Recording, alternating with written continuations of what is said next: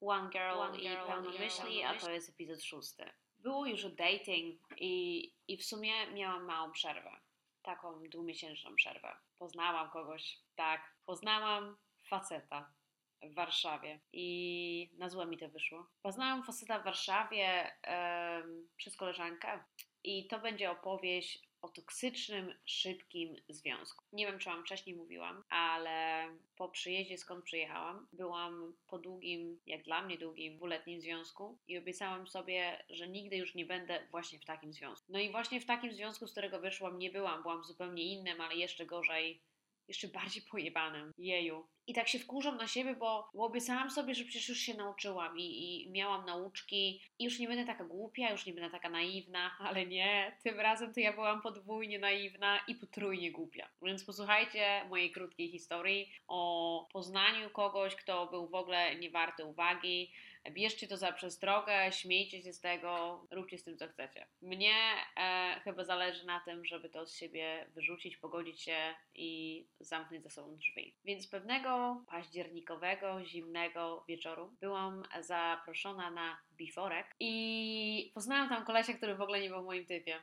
Absolutnie nie był w moim typie, był taki typem, typem pajaca rozśmieszał wszystkich. Um, no taki głupolek skaczący, gadający bzdury, nic się nie lepi, nie klei. Nie zwracałam na niego uwagi. Jest centrum zainteresowania imprezy, bo klaskał jak wódka przeszła i, i klaskał jak wódka nie przechodziła i wskakiwał na sofy, był w szczosie nieludzkim. Ogólnie był loads of fun. Loads, loads, loads of fun. Wiecie jak to jest? Zawsze jest w towarzystwie taka jedna osoba, która może nie jest najbardziej przystojna, ale jest duszą towarzystwa i, i po prostu wszyscy go lubią. Mijały tygodnie, ja jeszcze raz go gdzieś tam spotkałam na imprezie i jeszcze raz go gdzieś spotkałam na imprezie, bo imprezy mnie troszkę wciągnęły w Warszawie, nie będę kłamać. I okazało się, że gdzieś około Halloween wyszliśmy razem na imprezę.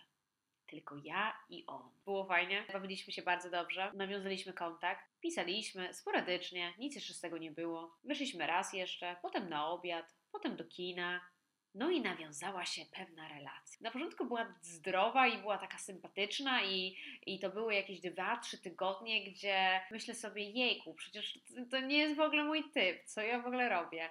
Ale dogadywaliśmy się. Potem z nienacka i to bardzo, bardzo szybko okazało się, że wszystkim on mówi, jaka ja jestem idealna i że jestem jego żoną i że jestem nową dziewczyną i że on już nie będzie wychodzić i przestaje imprezować, bo ja jestem i zaczął się taki proces idealizacji mnie jako jego partnera. Jak dla mnie to się wszystko toczyło troszkę za szybko i byłam trochę zawstydzona, trochę zażenowana, trochę nie chciałam nic mówić i trochę nie wiedziałam za bardzo, co się dzieje. Ten okres trwał bardzo krótko, bo bardzo krótko po tym okresie zaczął się następny dziwny etap, gdzie zaczynałam być o wszystko krytykowana, że odpisuję za wolno, że odpisuję za szybko, że nie oddzwaniam albo za często dzwonię, albo że on teraz musi spać i nie może ze mną rozmawiać, albo że on teraz dzwoni i musi ze mną rozmawiać i co ja teraz robię. Nadszedł czas, kiedy wyjeżdżałam z dziewczynami na wakacje. To było jakieś 3-4 tygodnie od kiedy go poznałam. W dniu wyjazdu widziałam się z nim jeszcze. W dniu opuszczenia kraju i przylotu do mojej destination, po drugiej stronie, jak już wysiadam, się do mnie nie odzywał. I tak się do mnie nie odzywał przez dobre 10 dni, żeby mnie ukarać, bo to ja opuściłam pol i się do niego nie. Pomimo, że dzwoniłam z trzy razy, ale on nie odbierał i odrzucał, a potem mi na siłę wciskał, że tych telefonów w ogóle nie było. Czułam, że zaczynam trochę żyć w jakiejś dziwnej rzeczywistości, taki trochę Matrix, że niby ja wiem, jaka jest moja rzeczywistość i jaka jest prawda, i ja wiem, co ja mówię, i wiem, co ja robię, i wiem, jakie mam intencje, ale poniekąd, jak on wszystko negował, to ja w to wierzyłam i próbowałam na siłę się tłumaczyć z tego, gasiłam pożary, a tych pożarów było coraz więcej. I ja tak bardzo chciałam się uczepić tych pierwszych trzech tygodni, chciałam, żeby one powróciły, że zaczęłam się czuć jak wariatka. I, i potem ni stąd, ni zowąd te wyjścia wspólne na imprezy przynosiły więcej stresu aniżeli radości, bo kiedy on chciał iść do domu, a ja chciałam zostać, to byłam nazywana, że tylko lecę na bogato i że, że jak ja mogę tak dużo imprezować, że mnie nie wypada, że on chce już iść do domu, że ze mną to w ogóle nie związku nie idzie stworzyć. Ale dwa dni potem, kiedy ja chciałam iść do domu, to on chciał zostać i mówi, że ze mną to się w ogóle nie idzie bawić, że ja marudzę, że ze mną zawsze są jakieś problemy i kompletnie nie idzie się ze mną dogadać. Były momenty, że w ogóle się do mnie nie odzywał przez 3-4 dni. Kara milczenia. Ja traciłam głowę i w końcu gdzieś przełamałam się i jechałam do niego i przepraszałam za coś, co w sumie ja nie wiem, za co ja przepraszałam. Wydawało się to zupełnie dziwne, ale on rzeczywiście był obrażony. No i poniekąd od samego poznania tego osobnika słyszałam od znajomych, że daj sobie spokój, to nie jest koleś dla ciebie, on naprawdę nie, mm, proszę, nie, nie, nie tworzycie dobrej pary, ale przecież ja jestem, ja jestem taką osobą, która na pewno mu pomoże. On dla mnie się zmieni. Przecież ja mu pomogę, ja go uratuję, ja go wybawię. E, myliłam się. Po kilku dniach milczenia, które się zdarzyły nieraz i nie, przyszedł moment, dowiedziałam się, że jest w górach z inną kobietą. Ale oczywiście on nic złego nie zrobił, bo to ja zasłużyłam sobie na to, że on tam pojechał i to jest moja wina, moja bardzo, bardzo wielka wina. Zaczęłam się czuć, pomimo że już się czułam jak w Matrixie, to zaczęłam się czuć, że kurwa ze mną coś jest nie tak. No na pewno coś jest ze mną nie tak, no bo kurwa mać, no koleś pojechał z inną laską do Zakopanego, a ja jestem w domu, a przecież to on się do mnie nie odzywa. Mówię, dobra, kończę z tym, koniec. Przecież, no nie no, koniec. Była sobota, godzina trzecia w nocy, SMS. Gdzie jesteś? Chcę z tobą porozmawiać. Proszę przyjedź do mnie. Siedzimy sobie z Twoją koleżanką u mnie w domu i właśnie o Tobie rozmawiamy. Chciałbym wyjaśnić. No serce mi tak mocno zabiło, że mówię, no faktycznie może wyjaśnię. Dojechałam tam, a tam 15 typa na chacie. Nie było tam ani momentu, ani miejsca, żeby to wyjaśnić. A ja naiwna jechałam, bo, bo może coś sobie powiemy. Przyszły święta. Święta Bożego Narodzenia. I akurat był taki czas, że ze sobą normalnie i dobrze rozmawialiśmy. I potem przyszedł taki okres czasu, gdzie się nie widzieliśmy około dwóch. Ja przetrawiłam to i stwierdziłam, że następnym razem jak go zobaczę, to powiem, że zostaniemy tylko przyjaciół. Mamy dużo wspólnych znajomych, będziemy ciągle na siebie wpadać, nie ma sensu się kłócić, zostańmy friends. Po prostu zostańmy friends. Więc natknęłam się na niego w klubie. W tym klubie, gdzie zawsze się spotykaliśmy. Wzięłam go grzecznie na bok, Mieliśmy rozmowę bardzo grzeczną i mówię do niego, że zostaniemy przyjaciółmi. On wywija swoimi oczami na lewo i na prawo, jak zawsze to robi, że on nie chce, że on myślał, że będzie inaczej. Ale ja twardo stoję przy tym, że powinniśmy zostać friends. Więc szejkujemy ręce i jesteśmy friends. Bawimy się dalej, znajomi są szczęśliwi, że my się dogadujemy. Jakiś może mały flirt jest, ale yy, nadal na bazie i na levelu przyjacielskim. Kolejny dzień odzywa się, że chce iść na kolację. Więc idziemy na tą kolację. Potem do kina. Czy najpierw do kina? Bez różnicy. Więc jak w tym kinie siedzimy i się przytuliliśmy, już nie byliśmy tylko friends. I ja znowu uwierzyłam w jego niewinność, bo tak głaszkał mi włosy i było mi dobrze i chwycił mnie za rękę. No i poczułam to, co poczułam miesiąc wcześniej. Znowu wpadłam w sidła. Odzyskał mnie po prostu wyjściem do kina. Boże, jak niewiele potrzeba. Ta taka dobra faza taki dobry okres trwał około tygodnia. Przyszły święta Bożego Narodzenia. Wymieniliśmy się prezentami. Było romantycznie, było cudownie. Ja pojechałam do mamy na święta, on został tutaj. Rozmawiamy przez telefon, gdzie ja już jestem u mamy w mieszkaniu, a on do mnie mówi, cytuję, tęsknisz za mną troszkę? Ja, no pewnie, że tęsknię.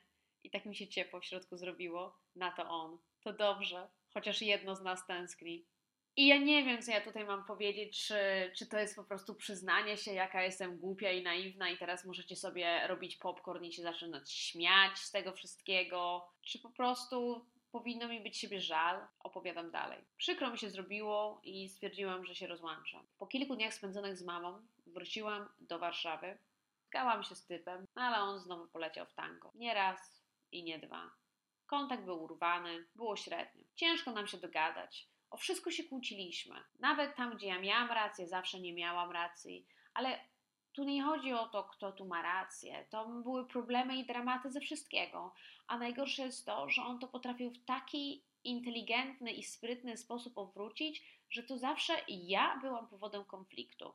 I ja praktycznie czułam, że jestem powodem konfliktu, i zawsze się czułam winna, zażenowana, i zawsze się czułam, że gdybym siedziała cicho, to może to może nie byłoby tak źle, to może on by się nie obraził, to może, to może bym teraz nie czuła tego, co czuję. To jest po prostu moja wina. Po jakiejś chwili zdałam sobie sprawę, że jestem manipulowana. Ni stąd, ni zowąd czułam, że staję się po prostu chora psychicznie, po związku czy w związku z nim. A i tak zaczęłam się zastanawiać, czy byłam taka, zanim go poznałam. No i odpowiedź jest nie, nie byłam. Teraz się czuję dwubiegunowa, a taka nie byłam. Zazwyczaj jestem taka radosna i optymistyczna, i, a teraz mam jakąś manię. Ja ciągle gaszę pożary, tak jak Wam mówiłam. Moje normalne i prawidłowe reakcje, złość czy smutek, są ignorowane i negowane, tak jakbym ja już nie miała racji, żeby się obrazić, czy, czy żeby było mi smutno. Czułam, że wpadam w jakąś dziwną depresję. To był, to był związek dwu, trzymiesięczny i ja muszę Wam powiedzieć, że w takim krótkim okresie czasu nie czułam tak dużo emocji. Różnych emocji, których nigdy wcześniej nie zaznałam w tak krótkim czasie. Czułam się zazdrosna, bo dawał mi takie powody, czułam się wściekła, czułam ciągły niepokój, czułam paranoję, ale też czułam radość i, i, i takie uwielbienie i, i taką trochę ekstazę. Po każdym wybuchu powtarzałam sobie, że gdybym tylko nie zachowywała się w ten sposób, może on by był trochę szczęśliwszy. To ja sprawiam mu może jakiś ból tym, co robię, czy tym, co mówię. Czułam się ciągle winna. Czułam się, że wpadłam taką, taką trochę pułapkę, wpadłam w taką pułapkę bez wyjścia, gdzie ciągle próbowałam relacjonizować całkowicie irracjonalną sytuację, w której on mnie stawia. Ciągle mnie prowokował, a ja wpadałam w tą prowokację jak, jak w miód. I tak się tam tarzałam. Teraz, jak już minął miesiąc i widzę tą relację z troszkę innej perspektywy, wydaje mi się, że już wiem troszkę więcej wiem, że osoby toksyczne tak naprawdę warunkują swoje osoby, żeby ktoś odczuwał wstyd, taką niegodność i niepewność emocjonalną. Przecież ja byłam wrakiem emocjonalnym. Od samego rana jakoś dziwnie wyczekiwałam na ten text message, a jak on już przyszedł, to zawsze był taki, że po prostu na rozwolnienie mnie brało, bo znowu coś zrobiłam. Jeszcze nie wiedziałam co ale już coś zrobiłam. Wydaje mi się, że taka osoba toksyczna bardzo lubi kontrolować drugą osobę, właśnie emocjonalnie, i wtedy oni się czują tacy powerful, a ja się czułam strasznie bezwładna. Zaczęłam w siebie wątpić. Wiecie, że niektórzy mówią, Twoje uczucia powinny być całkowicie niezależne od wszystkiego naokoło, i jeżeli masz otwarte serce, to kochani, takie coś jest niemożliwe bo ludzie naokoło sprawiają, że czujecie się albo tak, albo tak, albo lepiej, albo gorzej. Jeżeli ludzie sprawiają, że się czujecie źle, odetnijcie się od nich. A jeżeli są tacy ludzie, którzy sprawiają, że czujecie się dobrze, to wiecie, że tam właśnie powinniście zostać. Więc taką prostą tezą postanowiłam odejść. Pewnie chcecie wiedzieć, jak się skończył ten związek z sekcyną. Tym, że były zniszczenia, były publiczne oskarżania, obrazy i niemiłe słowa. A teraz pozostało nam tylko spojrzenie sobie w oczy, gdzie i kiedy na siebie wpadniemy, a wpadliśmy na siebie zeszłą sobotę. W jego oczach nie potrafię odczytać, co jest, a są wielkie i brązowe. I do teraz, jak je widzę, to żołądek mnie ściska, a w moich oczach jest smutek, żal i wielkie niezrozumienie. Nie jego, siebie i jak ja mogłam sobie na to pozwolić. Ale próbuję zupełnie się od tego odciąć i o tym nie myśleć i zająć się sobą. I dlatego nagrywam ten podcast. Nie dla Was, kochani, tylko dla siebie, żeby sobie to puścić, jak kogoś drugiego, takiego głupiego spotkam, albo jeżelikolwiek przyjdzie mi na myśl, żeby do niego wrócić. Jest kilka rzeczy, które bardzo mnie przerażają w tych ostatnich trzech miesiącach i jak bardzo w to wszystko, co wierzyłam, zostało przewrócone do góry nogami. Niestety nie jesteśmy w stanie wiedzieć, jakie ktoś ma wobec nas zamiary. Ja uważam, że trafiłam nie tylko na osobę toksyczną, ale na dobrego manipulatora, i po prostu na psychopatę. Taka taktyka prania mózgu, zachowanie nieodpowiednie i nieakceptowane, taka jawna przemoc, a następnie odwrócenie wszystkiego i oskarżanie ciebie, to było robione wszystko świadomie e, i spowodowało taki wielki ból we mnie. Nie sądzę, że zasługiwałam na to w jakikolwiek sposób, ale on potrafił zaprzec, że zrobił cokolwiek złego. A jeszcze lepiej, on zwali całą winę na mnie. Na koniec wierzę, że jestem winna za to, co on zrobił. To jest tak pozbawione logiki, to wierzyłam i mnie się to wydawało zupełnie normalne. Wiem, że u mnie się to wydarzyło dość szybko i było bardzo intensywnie. Nie doświadczyłam, wydaje mi się, takiego pełnego um, etapu idealizacji Mówię tu o etapie idealizacji, bo przeczytałam e, pewną książkę, jak odzyskać siebie po toksycznym związku. Moja toksyna od samego początku wiedział, co on robi. On wiedział, że ze mną nie wytrzyma długo, a ja z nim, bo ja jestem pyskata i ja będę dociekać i ja będę czegoś szukać i będą kłótnie. Wiedział dobrze, że nie uniknie konfrontacji ze mną, ale nadal się postarał i dopiął swego, bo jednak opowiada Wam o tym. Jak doszło do tego etapu, gdzie zaczął mnie obrażać przy znajomych i stawiać na Instagramie obelgi na mój temat, musicie wiedzieć, że jak mierzycie się z psychopatą, to w pewnym gdzieś tam momencie on cię o coś oskarży. Jak związek się kończy albo ty się stawiasz, to przychodzi moment, gdzie on musi się obronić i pokazać, że to on miał rację. Kiedy ty go zupełnie ignorujesz i dla ciebie to już jest koniec, bo jesteś u kresu wytrzymałości i wiesz, że już więcej tak nie pociągniesz, to on zrobi tak, żebyś ty się broniła. Bo jak ty się bronisz, to on zepchnie cię na pozycję, gdzie winny się broni i ty właśnie będziesz w tym rogu. Ludzie, którzy się bronią, wydają się z góry winni. To, czy jesteś winny, czy nie, w ogóle tutaj nie ma żadnego znaczenia. Więc moja toksyna mówiła o mnie różnego rodzaju rzeczy, które były zupełnie nieprawdziwe w 100%. I sprawiało mi wielką, ale to wielką przykrość. Chciałam się bronić i przed samą sobą rozgrzeszałam się z tych oskarżeń. One mi się nawet nie śniły, że ktoś może o mnie w taki sposób mówić. On obrzucał błotem moje dobre imię. Nawet nie błotem, po prostu szlamem. To nie było tylko w towarzystwie naszych znajomych, ale to było po prostu na forum, na Instagramie. I czy tak się zachowuje facet, który rzekomo się w tobie zakochał? Ja nie próbowałam udowodnić, że on nie ma racji, i dzięki temu chyba uchowałam się od takiej autodestrukcji. On by pewnie chciał usiąść i podziwiać cały show mojego bronienia i by się upajał moim stresem, ale całe szczęście on tego nie widział. Inaczej pewnie by wskazał mnie palcem z daleka i powiedział: Patrzcie na tą historyczkę. Po prostu ona jest crazy. Jest po prostu nienormalna. On by kochał moment, kiedy by zobaczył moją złość, a spokojnie potem by ją po prostu wykorzystał, żeby udowodnić swoje racje przeciwko mnie ja przez jakiś czas myślałam, jak tu, jak tu wyprowadzić jego kłamstwo na światło dzienne.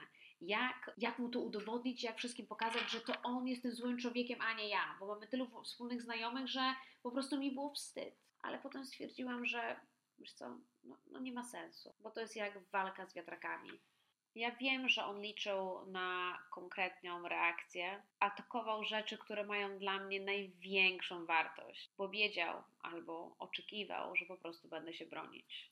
Mówią o mojej rodzinie, której nigdy nie poznał. Więc, żeby nie wchodzić tu dalej w szczegóły, powiem Wam, że to była bardzo i to bardzo kosztowna znajomość emocjonalnie i mam nadzieję, że to już była taka nauczka na przyszłość z mojej strony. Moja toksyna twierdziła zawsze, że nie znosi scen i dramatów. I ja jestem jedynym powodem, dlaczego w jego życiu są dramaty. Ale teraz, e, jak już minęło kilka tygodni, prawie miesiąc, kiedy jestem już poza tą sytuacją, widzę, że tak naprawdę jego życie jest stworzone z dramatów. Tam ciągle coś się dzieje. Tam ciągle jest jakiś problem. I że żadna z tych sytuacji wobec niego nie jest jego winą. Wszyscy go kochają, albo źle go traktują i dlatego on się znajduje w takich sytuacjach, a nie innych. I to oczywiście jest niesprawiedliwe, ale ja już wiem, jaka jest prawda i wiem, że jest troszkę inaczej. Ja wiem, że on prowokuje te sceny i jego dramaty życiowe, i, i rywalizację, i konkurencję, i tak dalej. I muszę Wam powiedzieć, że jak zaczęłam nagrywać podcast, pierwsze pięć podcastów nagrałam w ciągu dwóch czy trzech tygodni. Nagrywałam z dwa tygodniowo, bo miałam dużo tematów i dużo chciałam powiedzieć, dużo chciałam przekazać, miałam pełno myśli, tak się ten podcast nazywa, One Girl i pełno myśli, A potem się pojawił on. I nie było już moich myśli, bo już nie było mnie. Wszystko było takie spięte i wszystko było takie uzależnione od niego, począwszy od moich uczuć do toku myślenia, do rozkładu mojego dnia. I najśmieszniejsze w tym wszystkim jest to, że ja jestem dosyć, dosyć silną osobą i ja zawsze mówiłam, że mnie się to nigdy nie wydarzy, że nie, że ja bym sobie nie dała. A jednak mi się to zdarzyło, więc może zdarzyć się i tobie. Słuchałam inne podcasty na temat toksyn i wydawało mi się, że i na pewno zauważę, jak takie czerwone lampki gdzieś się pojawią, takie czerwone flagi. I powiem Wam, że dopóki nie przekonacie się na własnej skórze, to pewnie ciężko będzie się oprzeć takiemu związkowi, bo on na początku jest bardziej idealny niż normalny związek i ciężko, ale to ciężko odeprzeć taką pokusę bycia w takiej relacji. To jest chore i nienormalne, ale zarazem ekscytujące.